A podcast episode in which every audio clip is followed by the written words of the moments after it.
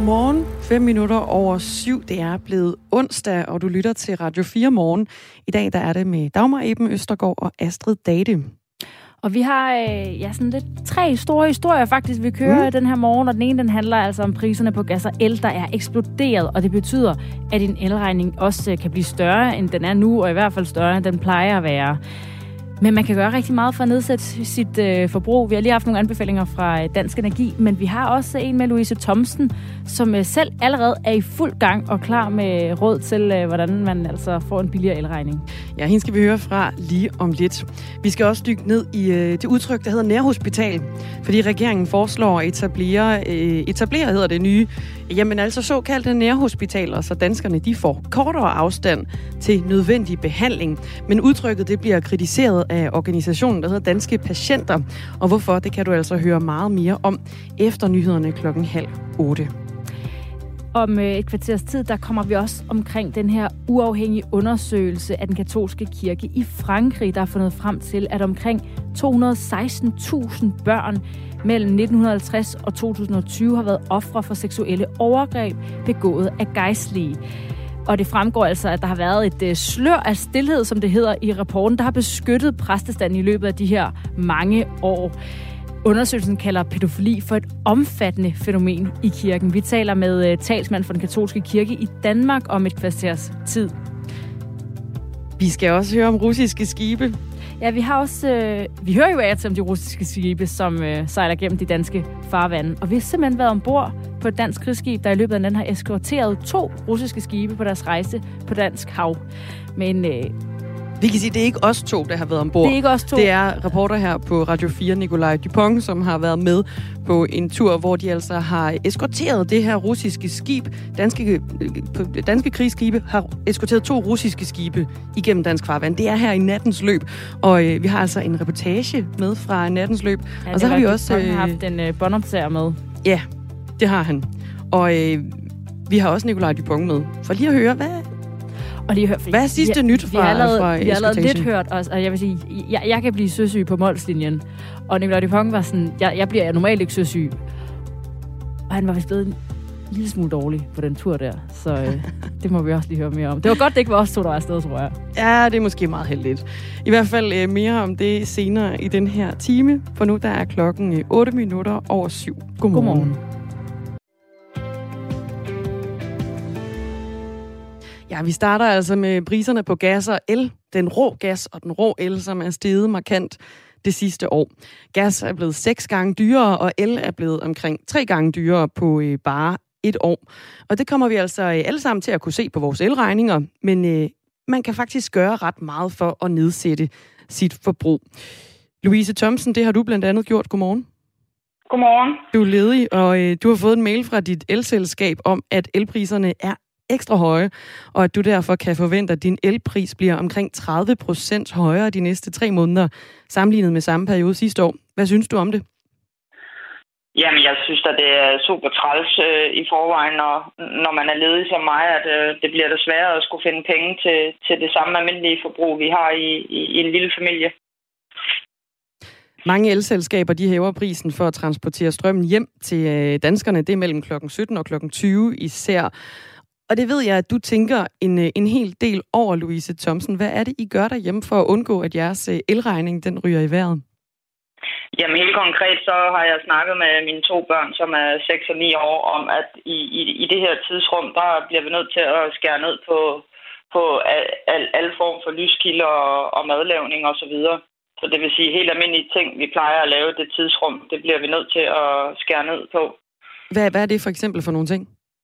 Det er blandt andet, at i, i stedet for at spise øh, på de tidspunkter, vi plejer, så bliver vi måske nødt til at rykke madlavningen til tidligere på dagen, hvor øh, at strømmen for eksempel ikke stiger. Og ellers så bliver det måske lidt mere robrødsmad om aftenen, så man ikke skal, skal betjene komfur og bruge for meget lys rundt omkring. Så du indretter simpelthen øh, hverdagen, kan man sige, efter hvornår elselskaberne de hæver prisen?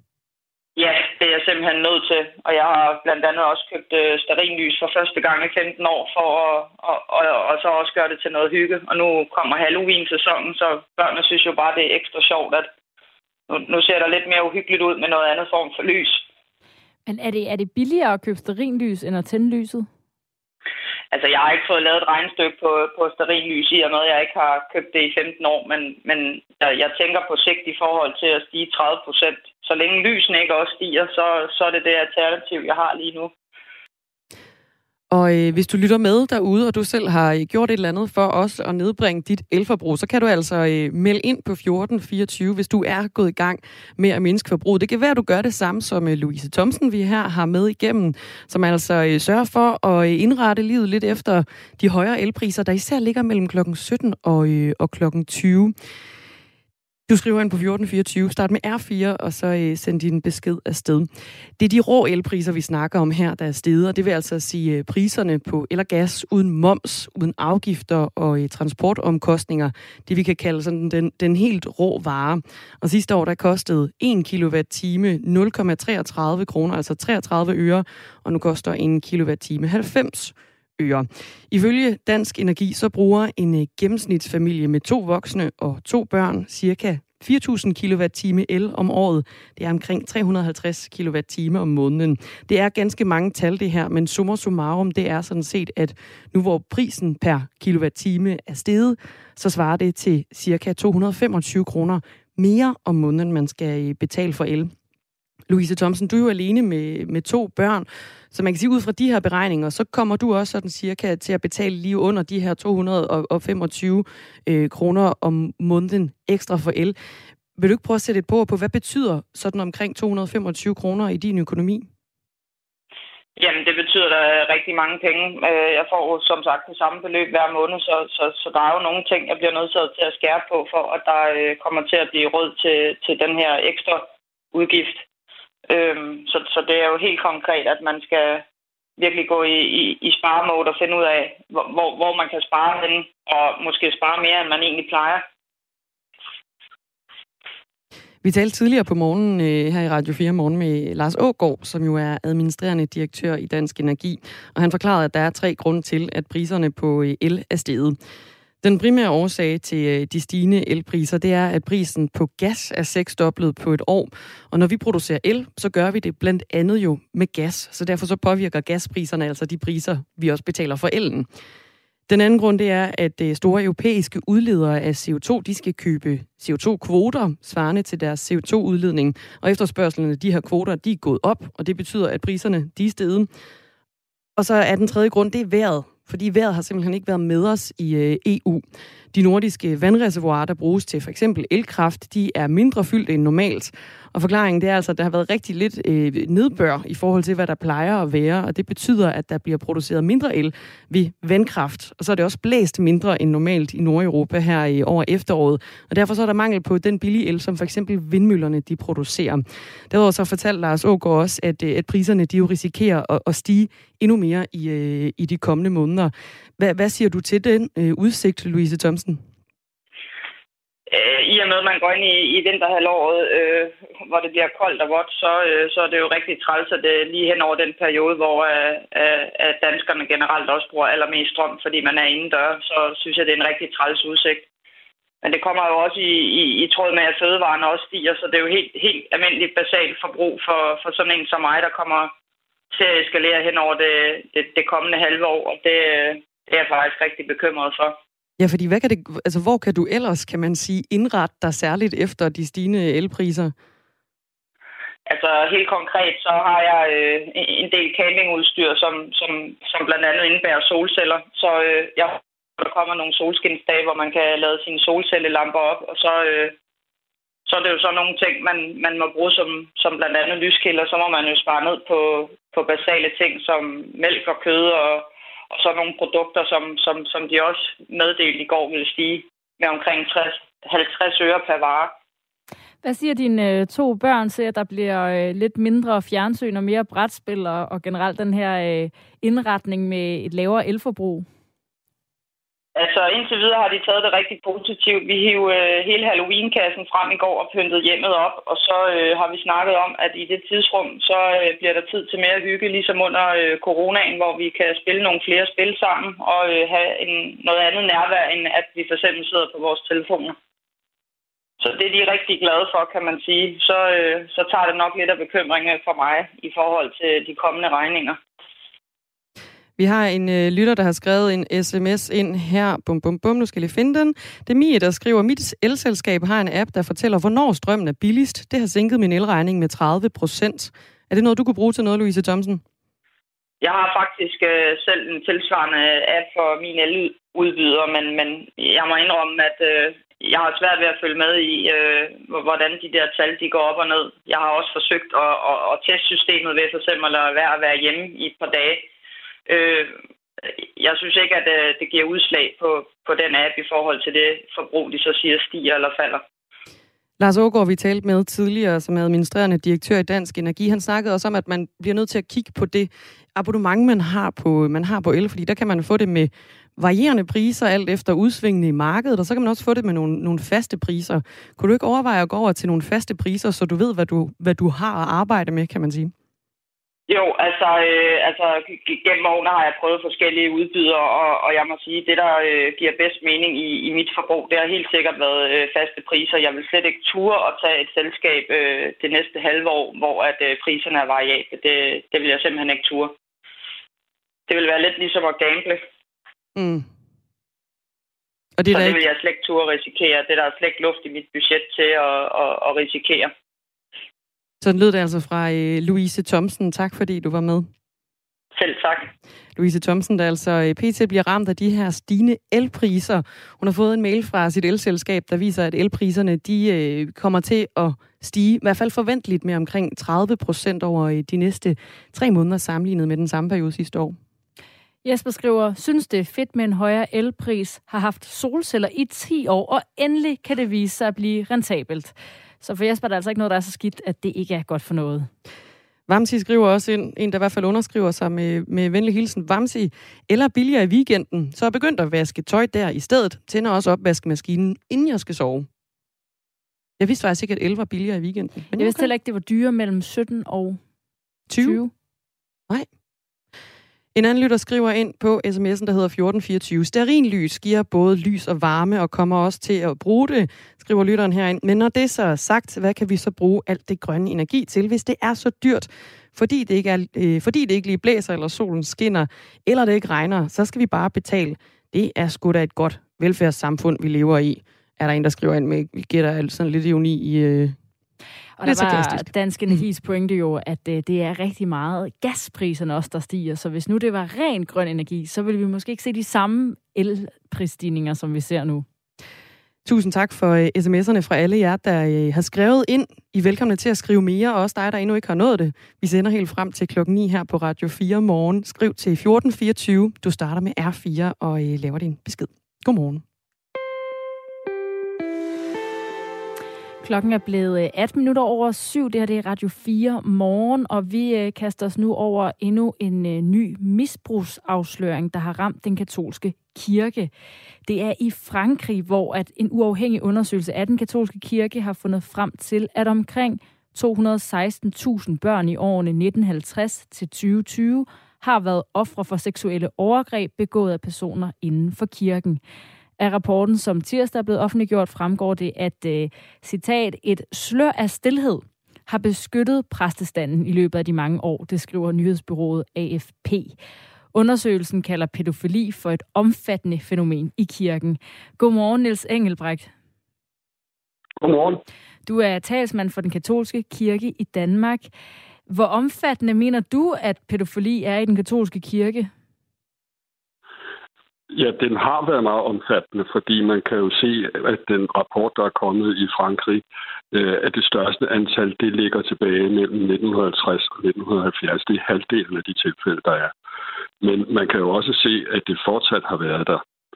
Øh, så det er omfattende, og kirken har jo arbejdet på i længere tid at finde strukturer og finde midler på og forsøge at undgå det og inddæmme det. Ja, og når de har gjort det, hvad så tænker du så om, at der så er eksempler helt frem til 2020? Jeg er bange for, at i enhver organisation af den størrelse, som den katolske kirke er, og med de aktiviteter, den har med børn og unge, at der vil man ikke kunne undgå det helt. Hvorfor tror du ikke det? For Fordi det tror jeg heller ikke, man kan i sportsklubber og spejderforeninger osv. Altså man kan, jo ikke, man kan jo ikke være over at folk hele tiden, men man kan lave strukturer, som gør det sådan, at det bliver svært at gøre det. Øh, det, som, som øh, den katolske kirke gør meget nu, det er at se på de folk, som kommer ind og arbejder for den katolske kirke. Øh, at screene dem og se, om de har en sund seksualitet, før man lader dem komme ind. Men du mener, men, kan... men du mener ikke, man kan undgå, at der øh, sker øh, pædofili? Man kan gøre sit bedste for at undgå det. Men altså, hvis man overhovedet ikke kan undgå det, burde man så ikke lukke kirken for helt at undgå det? Jamen, man kan jo heller ikke undgå det andre steder i samfundet. Og, og hvor har du det fra? Hvor, hvorfor mener du det? Jamen, det er jo da fordi, at der også foregår overgreb i familien, der foregår overgreb i, i vennekredsen, der foregår overgreb i... Øh, se på MeToo og se på øh, så videre. Og man kan sige, at i den katolske kirke, der er der jo øh, altså nogle, øh, nogle magtforhold og en organisation, der gør jo, at man på en eller anden måde kan sætte ind over for det her. Hvorfor vil man ikke kunne sørge for, at det aldrig skete der? Altså, jeg vil gerne gentage, at det, det tror jeg ikke, man kan, at det aldrig sker. Fordi det kan man heller ikke andre steder. Men, men hvorfor er andre steder repræsentativt for den katolske kirke? Det er det heller ikke, men, men det, det er vel realiteten i verden, øh, at seksuelle overgreb, de foregår, de foregår i det skjulte, og derfor skal vi prøve på, at det bliver svært at gøre det. Derfor laver vi beredskabsplaner, som giver regler for, hvordan man er sammen med børn og unge. Og derfor så screener vi de folk, som, som skal arbejde som præster i kirken. Øh, og derfor sørger vi for, at alle sager, der kommer til os, de også kommer til politiet og så videre, bliver undersøgt der. Jeg tror, det er det, vi kan gøre. Altså, er det, er det den rigtige øh, altså, tilgang til det at sige, sådan, om det, det, det kan man ikke komme af med? Øh, du siger, om man kan, om man kan undgå det helt. Så siger jeg, at vi arbejder på at undgå det helt. Men jeg kan jo ikke sige, at det kan vi undgå helt. I forhold til... Det kan, det kan andre steder heller ikke sige. Og heller ikke i andre kirker, fordi det er jo øh, nogle sager, vi har hørt jo nu her i, øh, i forbindelse med katolske præster. Hvordan, hvordan tænker du, at det netop er katolske præster, der så har fået det her ry? Jeg tænker, Eller har de her sager? Er, jeg tænker, det er fordi, at kirken har haft en autoritetsstruktur, som har været usund. Det, som vi arbejder på i kirken for øjeblikket, det er at, at få en mere horisontal struktur i stedet for en vertikal, altså fordi man ved om disse sager, man ved om de seksuelle overgreb, at de som regel foregår i et, et magtrelation, hvor den ene har noget at sige over den anden, og den anden derfor frygter og ikke tør gå videre med det. Og det har været meget udpræget i den katolske kirke. Ja, der er et det, par... Paven, på, ja. Hvad siger du? Det, det, som paven arbejder på for øjeblikket, øh, og som han gør meget ud af, det er netop at få en mere horisontal struktur. Øh, han har arrangeret en, en bispesynode nu, øh, altså et stort bispemøde til næste år, hvor der inden skal være en stor konsultation i den katolske kirke, hvor man på bredt plan skal tale om, hvad er der galt i den katolske kirke, hvad kan vi rette op på, hvordan, hvordan får vi inddraget alle. Og det gør jo, at det ikke bliver præsten, der står op på en pedestal øh, og som nærmest er Gud. Der er jo, øh, ja, som du siger, øh, flere sager. For at komme med et par eksempler her, så øh, i Australien, der afdækkede en, kommi- øh, en kommission i 2017 også et omfattende seksuelt misbrug af børn i Australiens katolske kirker. Her var der anklager mod øh, 1265 forskellige personer i perioden 1980 til 2015. I Boston i USA afslørede man i 2002 et omfattende problem med pædofili. Afsløringerne affødte en øh, national undersøgelse af problemet, som så i 2004 øh, gav en rapport med næsten 11.000 individuelle anklager om seksuelt misbrug af børn i perioden 1950 til 2002. Sammen med USA og Australien, så er Irland det land, som har registreret flest sager om seksuelle overgreb i den katolske kirke. En kommission undersøgte øh, misbrug af børn generelt fra øh, 1936 og fremlagde i 2009 en rapport, som øh, chokerede det irske samfund. Der var næsten 2.000 vidner, som fortalte om voldtægter, fysisk afstraffelse og andre former for overgreb, mens de var elever på 200 forskellige katolske skoler, og nogle beskrev efterfølgende forholdene på skolerne som Irlands holocaust. De her afsløringer ligger jo så flere år tilbage, men, men du mener altså stadigvæk, at det, øh, det kan og vil foregå? Jeg synes, du fordrejer mig lidt nu. Jeg siger, at vi ønsker ikke, det foregår. Vi arbejder på at ændre strukturer, så det ikke kan foregå. Vi indfører kontrolting.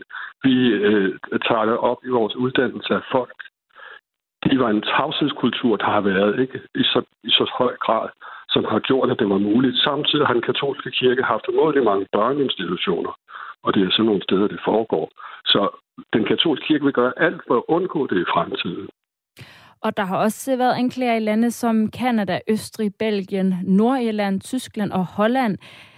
Kan vi, øh, altså i forhold til Danmark, er, det, er der en mulighed for, at der også har været at sager i Danmark, som ikke har været fremme endnu? Ja, hvis vi ikke ved noget om det, så, så er der jo muligheden for det, men i 2010 så åbnede vi jo for, at alle kunne komme frem. Vi, øh, der, der kom folk frem med sager. Vi spurgte børnerådet, hvad skal vi gøre? De sagde, lav en advokatundersøgelse. Øh, og vi lavede en advokatundersøgelse, folk kunne henvende sig der. Vi lavede en beredskabsplan, som sørgede for at skabe strukturer, hvor det skulle være vanskeligt at, at, at komme i en situation, hvor man kunne foretage disse overgreb. Øh, derfor kan jeg jo ikke afvise, at der kan komme nogen og sige, at der er sket noget, men, men på det tidspunkt var det meget op i medierne, og der kom folk og fortalte det. Om der er flere, det kan jeg jo ikke vide. Nej, kunne I ikke lave undersøgelsen igen så? Det var jo i 2010, hvis I skal vide, om der er flere sager. Øh, lave den samme undersøgelse igen? Ja. Jo, men, men vi, vi, vi er jo ude. Vi, vi har jo folder liggende ude på alle vores institutioner, hvor der står, hvis, hvis du har været ude for et overgreb, så kom og fortæl os det. Og så, at... så vi indbyder hele tiden til, at folk kan komme og fortælle det. Så, så hvordan er det I, øh, altså, altså, hvordan foregår det? Hvordan screener I, øh, altså præsterne for øh, pædofili? Det begyndte de nemlig at gøre her for 10 år siden efter øh, undersøgelsen. Hvordan foregår det, det i dag?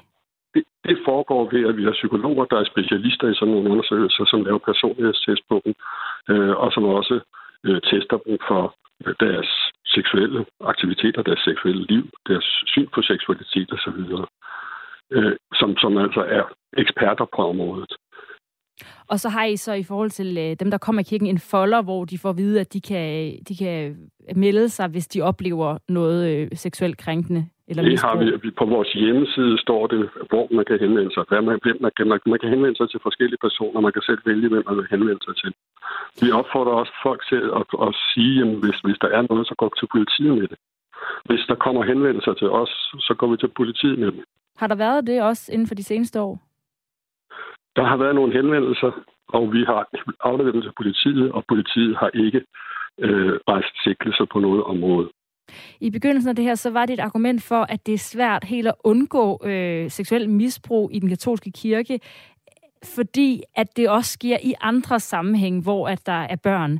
Hvorfor tror du så, at de her sager i så høj grad rammer netop den katolske kirke, og ikke for eksempel den protestantiske kirke? Det tror jeg har noget at gøre med det, som jeg sagde før, med at vi har haft en autoritetsstruktur, som har været usund. Hvordan det? At, at præsterne har siddet op på en pedestal, øh, og man har ikke tog at sige noget, øh, hvis præsten gjorde noget. Det har nok været sværere i Danmark med den struktur, man har, hvor præsten ikke har haft en så ophøjet status. Vi har fået en sms fra øh, Katarina. Hun skriver ind til os på 1424. Jeg fik fortalt i går, at katolske præster ikke må... Nu springer den rundt her. Øjeblik. Mm. Ej, hvor blev det nu af? Det er simpelthen mit system, der driller mig her. Jo, jeg fik fortalt i går, at katolske præster ikke må være i forhold at blive gift. Hvis det er sandt, så kan det jo faktisk godt være grunden til, at de katolske præster kan have svært ved at holde fingrene for sig selv. Kan hun ikke have en pointe i det? Det er også noget, vi har diskuteret meget om det her celibatet. Jeg er ikke sikker på, at det er celibatet i sig selv, men jeg tror, der er nogen, som kan finde på at søge ind og være sådan et sted, hvis de måske endda underbevidst, øh, hvis de ikke kan leve deres seksualitet på en sund måde. Så celibat kan godt afskaffes? Teoretisk set kan celibat afskaffes. Også i praksis? Jeg tror ikke, at der er stemning for det for øjeblikket. Heller ikke, hvis det så kunne afhjælpe seksuel misbrug? Jamen, vi er ikke sikre på, at vi kan vise, at der virkelig er en sammenhæng der. Tusind tak, øh, Nils Engelbrecht. Ja, selv tak. Talsmand for øh, den katolske kirke i Danmark. Du lytter til øh, Radio 4 morgen, og vi har fået en, en hulens masse sms'er. Dem kigger vi lige igennem, mens der er et nyhedsoverblik med øh, Thomas Sand. På den anden side, så skal vi kigge videre på historien om nærhospitaler, som altså møder kritik fra danske patienter. Klokken er halv otte.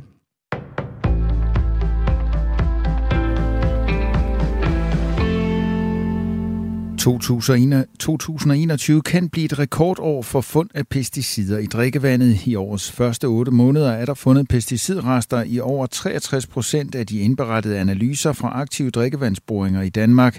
I 14 procent af prøverne er grænseværdierne overskredet. Det oplyser Danmarks Naturfredningsforening på baggrund af et dataudtræk fra en landsdækkende boringsdatabase. Det er rigtig, rigtig meget, at der at fund af pesticider og, og giftstoffer er så hyppigt i grundvandet, og det er ekstremt alarmerende siger Maria Rømert Gjerding, der er præsident i Danmarks Naturfredningsforening. I hele 2020 blev der fundet pesticidrester i knap 52 procent af målingerne. I 2016 var tallet lidt over 25 procent.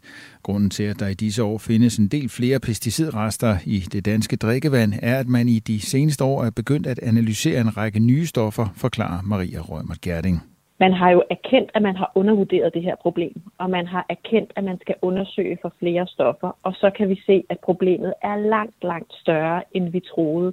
Vi kan se, at det bliver sværere og sværere at finde rent drikkevand til danskerne, og vi hører fra vandværkerne, når de ser de her fund, at de virkelig råber vagt i gevær og siger, nu skal der en politisk indsats til, hvis vi ikke skal sætte den her naturressource over styr. Det er jo helt enestående for Danmark, at vi kan hente, vi bare kan tænde for vandhanen, og så får vi sådan set vores, vores grundvand, som ikke er kemisk renset og behandlet med alt muligt. Vi får det faktisk rent øh, ud af vandhanen, og det er jo den ressource, vi skal sørge for at passe på. Og Danmarks Naturfredningsforenings bud på en løsning er ganske lige til. Vi kender de områder, hvor under fremtidens drikkevand dannes, og det handler om at forbyde enhver form for sprøjtegift på de arealer.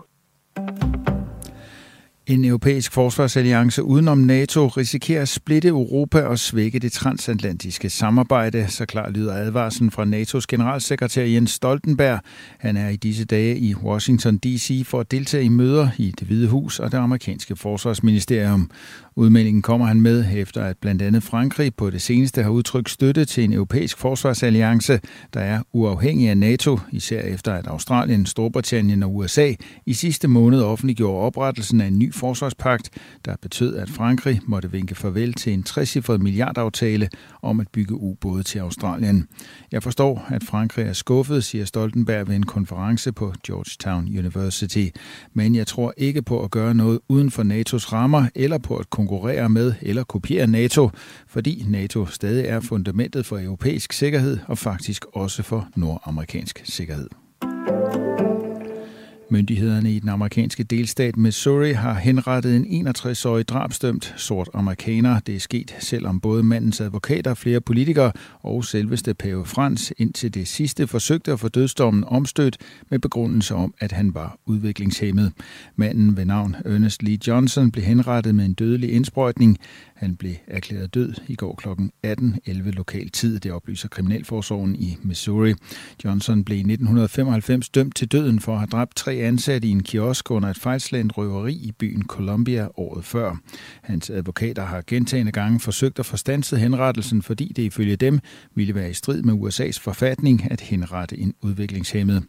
Advokaterne har i USA's højesteret forklaret, at deres klient i en række IQ-test scorede omkring 67, hvilket indikerer en lettere grad af mental retardering.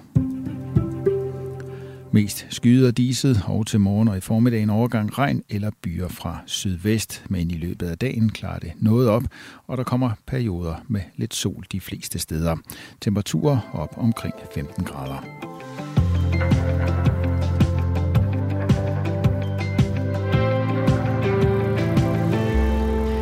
Fuldstændig enige erklærer Pia sammen med Katarina, der skrev ind og spurgte ind til øh, celibat, om man måske skulle afskaffe det i den katolske kirke for at komme øh, pædofili til livs. I går der landede der jo en øh, stor undersøgelse, der viste et ret omfattende øh, misbrug af, øh, af børn i den katolske kirke i Frankrig. Øh, og vi havde lige her før nyhederne, der havde vi øh, Nils Engelbrecht med, som er generalvikar i den katolske kirke. Og talsmand for øh, den katolske kirke i Danmark. Pia, hun skriver, ja, drop celibat, lad præsterne blive gift. Det er roden til den gift, der hersker i den katolske kirke.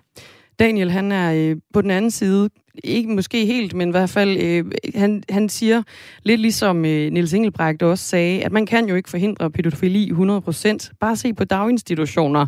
Det var sådan set også noget af det, øh, Niels Engelbrecht han bragte op på øh, i det her interview, vi havde lige før i nyhederne synes, det er en forkert præmis, at de udskiller den katolske kirke. Desværre har de dækket over det. Det er problemet. Så at de åbner op er jo godt, man kan ikke, men, men kan ikke forhindres helt, skriver Daniel ind på øh, 1424. Tak for sms'erne. Ja, og øh, fortsæt endelig. Lige om lidt skal vi øh, tale om nærhospitaler. Dem har vi også allerede fået et par sms'er, som øh, vi samler op på her. Og så om et øh, kvarters tid, der skal vi også øh, lige omkring nogle russiske skibe, der har sejlet gennem de danske farvande, hvor de er blevet transporteret ud af, af de danske farvande. To russiske skibe. Vi var med ombord i nat på et dansk krigsskib. Og øh, vi skal altså høre lidt om øh, den rejse på hav fra øh, vores reporter om øh, et kvarters tid.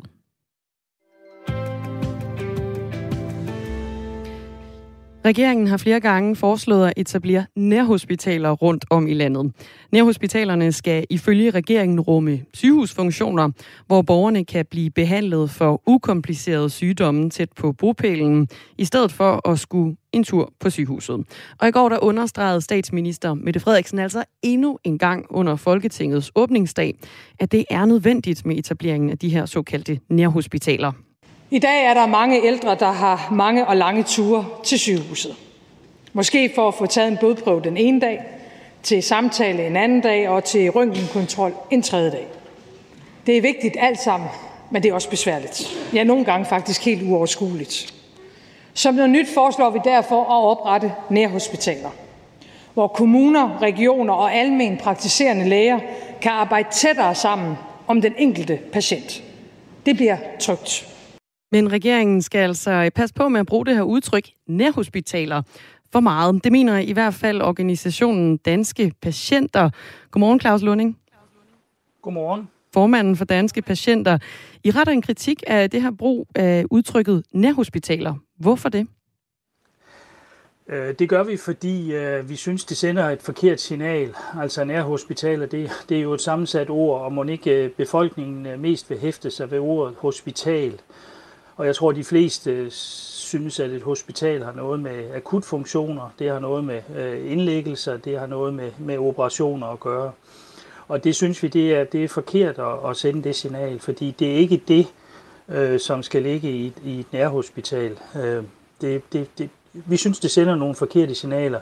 Vi synes meget bedre om at diskutere indholdet i det, og der vil jeg da sige i forhold til det citat, I havde fra statsministeren, der synes jeg, at hun er, hun er på den rigtige vej i forhold til, hvad der kan være i et nærhospital, som vi så bliver nødt til at kalde nærhospital, selvom vi ikke synes, det er en god idé. Men hvorfor tror du ikke, at borgerne de kan kende forskel på et hospital og et nærhospital? Øh, det kan de sikkert også, når, når man kommer i, i gang med at få det her planlagt, og, og det går op for befolkningen, hvad det er for nogle tilbud. Men vi synes, øh, altså jeg tror, øh, gik man ud og spurgte øh, bredt i den danske befolkning, hvad forstår du ved et hospital, så tror jeg, at, det, at svaret vil være, at, at, at det er nogle af de ting, som jeg nævnte tidligere. Og det er ikke det, øh, der, der kan eller skal være i, i, i i de institutioner, som nu hedder nærhospitaler. Så, så det er sådan, det kan godt opfattes lidt måske som leg om ord, men det, det synes vi faktisk ikke, det er. Det sender efter vores bedste overbevisning øh, et, et forkert signal om det øh, gode indhold, der formentlig kan komme i de her institutioner. Når det nu ikke bare, kan man sige, er en leg om ord, sådan som du også nævner her, Claus Lunding, men det rent faktisk er noget, I, I mener ganske alvorligt, at det her ord nærhospitaler, det udtryk, det er øh, misvisende i forhold til, hvad der kommer til at ligge i nærhospitalerne. Har I så ikke også tænkt over, hvad øh, et nærhospital i stedet skal kaldes? Jo, altså vi synes, øh, øh vi synes man kunne bruge øh, ordet sundhedshuse. Jeg ved godt, at det findes i, i mange former allerede i dag. Man kunne også bruge øh, et specialiseret sundhedshus, men, men, men, men øh, måske altså i hvert fald finde et andet ord end, end, øh, end et hospital. Altså vi er, vi, er, vi er meget optaget af indholdet i, i, i det, vi så vil, gerne vil kalde sundhedshuse, fordi vi synes, det er, det er den rigtige, altså ideen er, er rigtig god. Øh, grundideen i det, som regeringen ønsker, den synes vi er god, den er god for patienterne, den er også, tror vi, helt nødvendig for den udvikling af vores sundhedsvæsen, som vi kigger ind i, i de år, der kommer. Så du vil gerne have ordet måske nær, men i hvert fald ikke ordet hospital, skal det forstås? Uh, nej, det, hvis, man kunne, hvis man kunne formå uh, regeringen til at, at udskrive en eller anden form for priskonkurrence, så, så synes jeg, man burde gøre det. Altså, vi synes, uh, nu gentager jeg mig, men jeg synes, vi synes, det er forkert at bruge ordet hospital i den her sammenhæng, men, men altså, man kan jo lytte til, til statsministeren i går, det, det lader ikke til, at, at der er rigtig nogen åbning i forhold til det, så vi synes, okay, så må det være ordet nærhospital, men så lad os diskutere indholdet i, i, i det, vi uh, så taler om. Ja, nu øh, lægger du selv op til at udskrive en, øh, en konkurrence her, Claus Lunding, formanden for Danske Patienter, der altså retter en kritik af udtrykket nærhospital, fordi det ikke er, øh, er rammende. Det kan være, der sidder øh, en lytter derude, som er skarp på en god formulering, man kan putte på de her nærhospitaler i stedet for. Hvis du har en god idé til, hvad nærhospitaler skal hedde øh, i stedet for nærhospitaler, så skriv ind på øh, 1424, start med R4, og øh, lav et mellemrum og send din øh, besked afsted. Det var jo allerede frem mod Folketingsvalget i 2019, Socialdemokrati- Socialdemokratiet foreslog at etablere de her nærhospitaler tættere på borgerne på grund af de mange centraliserede supersygehuse. I løbet af de seneste 10 år, der er 14 lokale sygehuse lukket i forbindelse med centraliseringen af sygehusene i landet, og Socialdemokratiet foreslår, at nuværende sundhedshuse kan tilføjes funktioner som for eksempel jordmorkonsultationer, scanninger, dialysebehandling, diabetesbehandlinger og behandling af gigtsygdomme og øh, behandling og operationer, som øh, altså i dag foretages på privatklinikker i forbindelse med etableringen af de her nærhospitaler. Claus Lunding, statsministeren, kom i går ind i, på sin, i sin åbningstale ind på, øh, ikke konkret ind på, hedder det, hvor og hvornår de her nærhospitaler de skal, de skal etableres. Hvad, hvad for nogle krav stiller I øh, for de nye nærhospitaler? Øh, først og fremmest så skal, man, øh, så skal man definere opgaven, og den kan godt være, altså ligesom, ligesom du med den oplistning, du giver. Altså man må definere, hvad er det, der skal, der skal ligge i, i, i de her øh, enheder.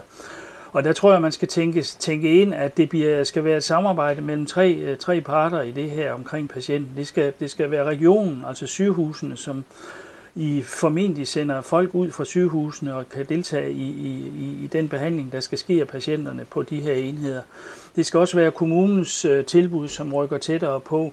Og så sidst men ikke mindst, så skal det være de praktiserende læger, der bliver involveret i det her, fordi det, øh, patienternes indgang til sundhedsvæsenet er jo tit og ofte den praktiserende læge, og den opfølgning, der skal ske efter en behandling på et centraliseret, specialiseret sygehus, der er øh, den praktiserende læge nøglespiller. Så det bliver de tre enheder, eller tre parter, man skal tænke ind i det her. Og så skal man definere nogle fornuftige opgaver for sådan et sundhedshus. Og der skal man først og fremmest tænke ind to ting øh, set med patientens briller. Det ene er, at der bliver skabt sammenhæng i de ydelser, som patienten modtager.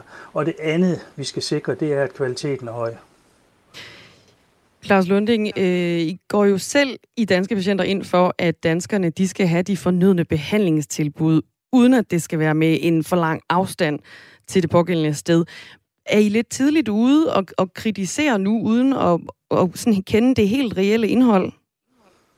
Jamen, jeg synes ikke, jeg synes ikke, at vi kritiserer, altså vi problematiserer begrebet nærhospitaler, øh, fordi det, det bliver ikke et hospital, og det skal man ikke, det skal man ikke. Det kan godt være, at der er hospitalsfunktioner, der udflyttes, men det bliver det ikke til et hospital af i vores øh, optik. Nej, tværtimod, så synes vi faktisk, at ideen omkring øh, at flytte, flytte behandlinger, kontroller, opfølgninger, øh, rehabilitering og andre ting, flytte det væk fra de specialiserede sygehuse og tættere på borgeren, tættere på borgeren, der hvor de bor, tættere på deres kommuner og tættere på de praktiserende læger. Det synes vi faktisk, der er rigtig, rigtig meget øh, sund fornuft i, øh, også set med patienternes briller. Der er kommet nogle forslag allerede på øh, navne til, hvad nærhospitalet skulle hedde, hvis det ikke skulle have navnet hospital i sig, som I altså hos danske patienter synes er en lille smule misvisende i forhold til, hvad de kan. Dorte, hun, øh, hun beholder ordet nær, som øh, Dagmar også foreslår, og tænker, det kunne hedde en nærklinik. Kasper, han siger, at det kunne hedde en regionsklinik. Der er også en, der foreslår patientcentre. Og Rune foreslår lokalsygehus. Der er også en, der foreslår sygehusklinikker. Vil det være bedre lokal sygehus? Uh, altså, jeg tror, det er, at man kan, man, kan, man kan boge sig meget på forskellen på et hospital og, og et sygehus. Jeg tror, at her i hovedstadsområdet, der hedder det hospital, og i andre dele af landet, der hedder det sygehus. Jeg tror, det, det vil være det samme. Men jeg synes, jeg tror, det var det tredje af de fem forslag, I, I, I læste op. Altså, hvis man kan tage noget med, med patienthus eller patientcentrum, eller hvad det var, det, det synes jeg, det vil være udmærket, fordi det signalerer også, hvorfor etablerer vi det her. Det gør vi af hensyn til patienterne. Så jeg synes, det vil da være en uendelig smuk tanke, hvis man, man kunne øh, øh, få patienterne ind i det her. Så det synes jeg, den pågældende måske skulle sende en sms til statsministeren om, og hun skal overveje ordet. Hermed altså en opfordring øh, givet videre til øh, en, der har skrevet patientcentre ind på, øh, på sms'en 1424. Tak for den. Ja, for der er også nogle, øh, et par lytter, der heller ikke skal bede om de der sygehuse. Der er en, der skriver, små sygehuse er bare ikke lige så dygtige og effektive som større sygehuse. Sorry, det er dyrt og ineffektivt med små sygehuse. Det er bare en dårlig idé, med mindre deres specialområder bliver meget, meget smalle og løser ikke patientens afstandsproblem. Altså øh, en, der måske netop tænker, hvis det er et sygehus, så skal det også kunne være et sygehus, skal kunne. Er der ikke en god pointe i, øh, i det? Jo, men jo, det synes jeg faktisk er, men den, jeg synes, den understreger sådan set øh, min eller vores oplevelse af, at man skal lade være med at bruge hospitalet, fordi hvis man, man tænker de her enheder som noget, der i dag er placeret på et af vores specialiserede sygehuse, altså det kan være avanceret kirurgi eller øh, ja, sådan nogle ting, øh, specielle behandlinger, så mener jeg sådan set ikke, at det, det, er ikke, det er ikke det, man skal flytte ud. Altså der mener jeg, at, at øh, kvaliteten i det danske sundhedsvæsen, den ligger i, at vi har fået samlet en række behandlinger på vores øh, større sygehuse nu. Det mener jeg giver patienterne en sikkerhed for, at det er den ypperste behandling, de får. Men det er altså noget andet, vi taler om. Det, det er altså kontroller, det er, det er opfølgning, det er, hvis man er blevet opereret i hjertet på, på enten Skyby eller Rigshospital, så den rehabilitering, der skal ske efterfølgende, kan godt ske lokalt. Den behøves ikke at ske på, på de sygehus, hvor man er blevet opereret. Og jeg synes sådan set, hvis man lytter til, hvad statsministeren siger i går i, i, i det referat, de har for åbningstalen, så synes jeg, hun har fat i noget af det rigtige. Tak, Claus Lunding. Det var slet. Formanden i Danske Patienter. Senere her i Radio 4 morgen, der taler vi med politisk redaktør på Radio 4, han hedder Thomas Larsen, om den kommende sundhedsreform og om de her mulige nærhospitaler, som jeg måske kan komme til at hedde patientcentre. Hvem ved? Ja, og de er simpelthen forslag, vi har fået flere af dem, vi ikke lige får læst højt. Dem gemmer vi til, øh, til Thomas Larsen og hører om, hvad han siger til dem senere. Her til der hører vi om, at øh, især russiske skibe lægger vejen forbi de danske farvande for at komme ud på det store hav. Og når det sker, så ligger den danske flåde klar til at følge gæsterne på vej og sikre, at alt går, som det skal. I nat der skulle de så afsted igen for at eskortere en flok russere. Og vores reporter Nikolaj Dupont tog med i nat ud på åben hav for at finde ud af, hvad der egentlig foregår på sådan en opgave. Klokken er 23.23, 23, og jeg står på akten på det danske patruljeskib Narjaden. Og Narjaden er et af de store grå skibe i Diana-klassen, som det danske forsvar råder over. Og jeg havde egentlig stillet mig ud for ligesom at kunne beskrive, hvordan det her store grå krigsskib egentlig ser ud. Men problemet er, at jeg befinder mig midt på Kattegat kl. 23 om aftenen, og der er simpelthen ikke noget som helst lys. Så lige nu er skibet kulsort. Det samme er natten. Det eneste, jeg sådan kan se, når jeg spejder ud i, i horisonten, er et, et hvidt lys fra det, jeg har fået at vide af vores søsterskib, Nymfen, men det er ikke nymfen, der er det interessante lige nu. Det er tværtimod de små blink, man kan fornemme om bagved skibet ude i horisonten. For de blink, de kommer nemlig fra to russiske krigsskibe, og det er de to skibe, der er årsagen til, at vi sidder her på Kattegat lige nu. Vi skal nemlig eskortere de to russiske krigsskibe Boyka og Stoika gennem de danske farvande op forbi Skagen, hvor vi i morgen tidlig slash formiddag kommer til at skibe dem afsted ud i international farvand.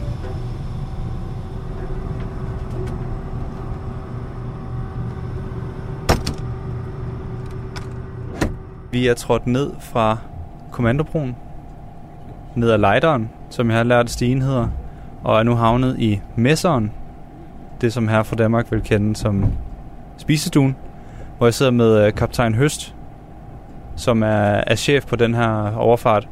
Og øh, Høst, kan du ikke starte med at fortælle mig lidt om, hvad, hvad, hvad går opgaven egentlig ud på? Jamen opgaven er den, at Joint Operations Center har øh, konstateret, at der er et fremmed statsskib, som transiterer igennem indre danske farvand. Og i den forbindelse er vi blevet bedt om at eskortere den fremmede statsskibe igennem. Hvor ofte er I ude på de her slags opgaver, altså hvor I skal eskortere fremmede øh, skibe igennem Danmark? Vi er på patrulje øh, cirka 14 dage ad gangen, og jeg vil tro, at sådan en opgave den opstår alt imellem 0 øh, og en 4-5 gange på sådan en 14-dages patrulje. Vi kan jo se, der ligger to øh, russiske skibe herude, fordi de har, øh, de har en lille smule lys på. Ved vi med sikkerhed, at der ikke ligger øh, fem ubåde og svømmer rundt nedenunder? Ja, det ved vi. Alene af den årsag, at de vil have meget, meget svært ved at gemme sig øh, eksempelvis igennem Storbælt, hvor der ikke øh, er særlig meget vand. Og så er der også krav om, at øh, hvis man skal transitere igennem danske farvand med en, øh, med en ubåd, så skal man være uddykket. Nu får vi så skibet, øh, I får skibet de her russiske krigsskibe ud af det danske farvand og ud i international farvand. Når de kommer hjem igen, ligger I så klar til at guide dem den anden vej også? Jeg kan ikke love, at, øh, at det bliver på min vagt, men jeg kan godt love, at øh, der ligger en maritim dansk øh, indsatsenhed klar til at, til at eskortere. Klokken har nærmet sig midnat, og jeg er snedet ned i min lille kahyt, som jeg deler sammen med et besætningsmedlem. Man sover to og to, når man kommer ind, på, ind i kahytten her, så ligger der, er der et lille skrivebord og en stol. Der er også en lille smule skabsplads, og så er der ellers to senge, som hænger ud fra væggen med en, en slags sofa imellem dem. Jeg ser det mere som en slags trinbræt op i sengen. Og så kan man ellers... Uh, det bølger lidt. Træder op i, øh, i sengen her. En tynd lille hvid madras, og så ellers dyner og pude. Og hvis man så virkelig har brug for lidt privatliv, og det har man jo, vi er til søs, så, øh, så er der et rigtig målslinje blåt gardin, man lige kan, kan trække fra. Sådan der. Og så er det ellers bare at ligge her og lytte til bølgeskvulpen og håbe på, at man falder i søvn, inden søsyn rigtig sætter ind. Jeg har bestilt en, øh, en håndpuller, som det hedder, til i morgen tidlig. Det betyder, at der kommer ind og, og hiver mig i benet ved det ønskede tidspunkt, så jeg kommer op. Mest fordi, at når man endelig er faldet i søvn, så skal man også have lov til at sove, indtil man skal tilbage på vagt. Så er det rigtig ærgerligt, hvis der er en journalist, der har sat sit iPhone vækkeur til og ringe klokken halv seks i morgen tidlig. Så det er planen, jeg ligger mig her, indtil jeg bliver reddet i foden, og så er det ellers op og, øh, og følge det sidste af rejsen i morgen tidlig, hvor vi, øh, vi gerne skulle ramme Skagen. Godnat herfra. Det er altså fra øh, vores øh, reporter Nikolaj Dupont, som vi har med nu live. Godmorgen. Godmorgen, godmorgen. Hvordan virkede det med den håndpuller der? Kom du op uden at vække øh, de øvrige besætningsmedlemmer med din øh, smartphone-alarm?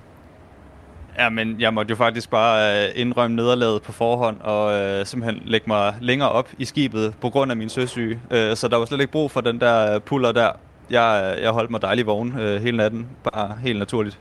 Ah, du var dårlig. Altså kan vi jo ikke engang sige godmorgen til dig, vi skal nærmest til at sige godnat.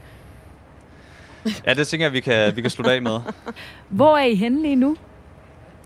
Jamen, øh, lige nu ligger vi øh, 50 kabler fra Frederikshavn som øh, jeg skal selvfølgelig også starte med at undskylde til de eventuelle søfolk, der lytter, fordi det er også lidt latterligt at måle i kabler, når distancen er så lang.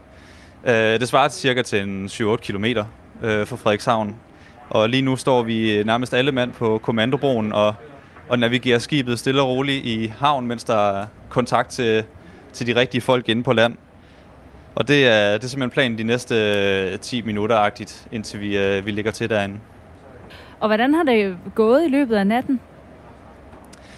Jamen, øh, hvis vi ser bort fra øh, min personlige nederlag, så er det øh, rent professionelt gået øh, angiveligt lige efter bogen. Der har ikke været øh, noget som helst i forhold til, til de her russiske krigsskibe, som vi jo skulle øh, eskortere ud af dansk farvand op til, til Skagen. De blev øh, afleveret ved Bøj 1, altså sådan lidt løst sagt indgangen til det danske farvand omkring klokken 5 i nat. Og øh, ja, som den reporter jeg er, så, øh, så var det simpelthen ikke på noget tidspunkt muligt at se skibet, øh, fordi vi, ligger, vi lå så langt bagved øh, under hele, hele overfarten, at øh, jeg, jeg så det faktisk ikke. Altså det russiske skib? Det russiske skib, yes. Hvorfor er det overhovedet nødvendigt? Altså, hvorfor er der overhovedet den her øvelse, hvor at danske skibe eskorterer de udenlandske skibe gennem farvandet? Jamen, det var jeg nemlig også meget nysgerrig på, så det, øh, det spurgte jeg kaptajnen om øh, efter vores interview, og det er simpelthen fordi, at det er fast procedure. Øh, det er en del af det, som øh, i bogen hedder øh, magthåndhævelse, som ligesom går ud på, at de danske skibe og det samme i vores luftrum, ligesom, lige så snart der er fremmede magter på dansk territorie, så skal vi lige ud og kigge med flaget og sige, det er jo et os, der bor her, og vi skal nok guide jer resten af turen. Så det er øh, ren procedure. Så det er nærmest en formalitet. De kunne godt bare sejle selv. Ja, præcis. Det, det kunne de godt. Men øh, det er altid så hyggeligt at følge ad. Hvad er det så planen er nu? Jamen nu er planen som sagt, at vi øh, ligger til land herinde i øh, Frederikshavn øh, lynhurtigt på Najaden. Når vi kommer derind, så ligger nymfen der i forvejen. Nymfen, som, øh, som vi også lige var ude og, og sige hej til i løbet af natten. Øh, nymfen tog direkte til Frederikshavn, hvor der er nogle kurser og alt muligt i dag. Øh, Najadens plan er derimod lige at droppe mig af og hente noget gods ombord, og så tager de på farten igen til København, hvor de skal ligge de næste par dage. Og det her var jo din øh, jomfrutur på sådan et øh, krigsskib. Øh, har du fået smag for det? Jamen altså, det, det må jeg bare sige. Der er altså et eller andet grundlæggende møjsejt ved at stå på et øh, krigsskib, også selvom der ikke bliver skudt med kanoner og det ene og det andet. Også selvom der man er ramt af bare... søsyge? Ja, det, det må jeg jo indrømme. Øh, om ikke andet, så de første 20-30 minutter, inden det ramte, det, det, det tæller virkelig op, og så, øh, så behøver vi jo ikke tale om resten. det har været hele turen værd. Skide godt. Bestemt, bestemt. Tak for det, øh, Nikolaj Dupont. Selv tak, og godnat herfra. Ja, jeg sov rigtig godt, Nikolaj. Jeg så godt. Øh, altså vores øh, reporter, der har været med, øh, det danske krigsskib, der har eskorteret russiske skibe gennem det danske farvande.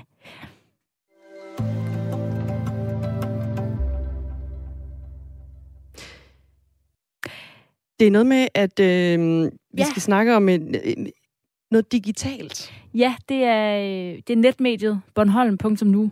De har fået en ny nyhedsoplæser til at fortælle nyhederne på deres øh, seneste satsning, som er en øh, tv-avis på deres hjemmeside. Nyheder fra Bornholm nu. Bornholms politi måtte natten til søndag til Næksø, hvor der ud for Café Hidin var opstået uroligheder. Det her det var øh, lidt fra nyhedsoplæseren, som er ret unik. Det skriver politikken.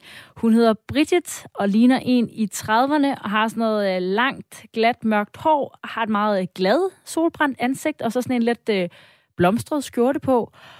Og så er hun lavet på en computer. Er hun, altså, er hun i tv? Yes, og hun, hun findes altså ikke... Øh, du kan lige prøve at google det, så du kan finde Skal det frem. finde den frem. Og hun findes altså ikke i virkeligheden som en... Hun er ikke en person, der findes i virkeligheden. Hun er ikke lavet ud fra en virkelig person. Hun er ligesom bygget til at blive den her nyhedsoplæser. Og øh, Bornholm.nu har altså allerede, allerede lagt det her eksempel på øh, nyhedsoplæsning ud på deres hjemmeside med Bridget. Og hun kan via kunstig intelligens læse nyhederne fra hjemmesiden op, som om hun var en studievært. Bornholm.nu, de kalder selv den her nye studievært for en robot. Og hun kommer altså uden ret til afspacering, ferie, sygedage eller mundtlig løn. Og til, til politikken, der siger ansvarshavende chefredaktør for øh, Bornholm.nu, Bjarne Hansen, at 20 videoer med Bridget, det koster 20 dollars. Altså noget, der ligner 130 kroner. Så ret billig i drift. Jeg føler mig pludselig overflødig. Ja, men kan radiovært kan man godt blive lidt bekymret. Altså, det må jo lyde som uh, sød musik i chefens ører med en vært, der er så billig i drift og aldrig har sygedage, eller har brug for at sove for den sags skyld. Det er en øh, gruppe i Silicon Valley, inklusiv en dansker, der har udviklet de her øh, virtuelle nyhedsoplæsere, og du kan både lave din egen avatar, som det hedder, eller nyhedsoplæser, eller kopiere et menneske, der findes i virkeligheden, som så vil kunne blive den virtuelle nyhedsoplæser. Men er hun indsat, eller hvad man skal kalde hende? Er hun ansat er hun i brug allerede nu ved, ved Bornholm? De øver stadig, okay. øh, som de kalder det. Altså, de er stadigvæk ved at teste hendes oplæsning, fordi for eksempel så øh, lyder hun lidt for glad pt., okay. når det drejer sig om alvorlige nyhedshistorier. Skal vi lige prøve at høre et pip igen, for at høre, hvor glad hun lyder? Ja, det, jeg har kun det samme. Det Jamen, vi spiller det bare lige igen. Nyheder fra Bornholm nu. Bornholms politi måtte natten til søndag til Næksø, hvor der ud for Café Hidin var opstået uroligheder. Mm. Ja, det andet er nemlig også, at der er også nogle danske ord, hun har lidt svært ved at sige. For eksempel ja. Å Kirkeby, der ligger på Bornholm. Men øh, som den ansvarshavende redaktør meget rigtigt siger, så er vi andre journalister jo også... Øh, det sker også for os, at de danske bynavne, de kommer forkert ud. Altså, jeg kan ikke sige mig helt fri for at have sagt nogle øh, forkerte bynavne forkert her i radioen. Nej, det kan jeg vist heller ikke. Så øh, det kan være, at man skal sørge for, eller vi skal sørge for at sige de danske bynavne korrekt. Så har vi noget, som øh, robotten Bridget ikke ja, har. Jeg prøver virkelig altid. Så hvis der er nogen, der lytter med derude, og jeg siger et bynavn forkert på et tidspunkt, så skal jeg altså skrive ind. Fordi, ja, vi så bliver vi gjort opmærksom på det. Vi vil gerne sige det rigtigt. Gerne sige det. Og det vil Bridget også, men hun kan ikke lige nu. Men, øh, men, så hun øver stadigvæk, men øh, altså snart op at køre, og man kan gå ind og se det allerede nu på øh, Bornholm.nu. Tak, fordi du kiggede med. Sådan der. Det var øh, de afsluttende ord fra, øh, fra Bridget også. Øh, de afsluttende ord for den her time Radio 4 morgen. Klokken den er blevet 8, og nu er der nyheder med Thomas Sand.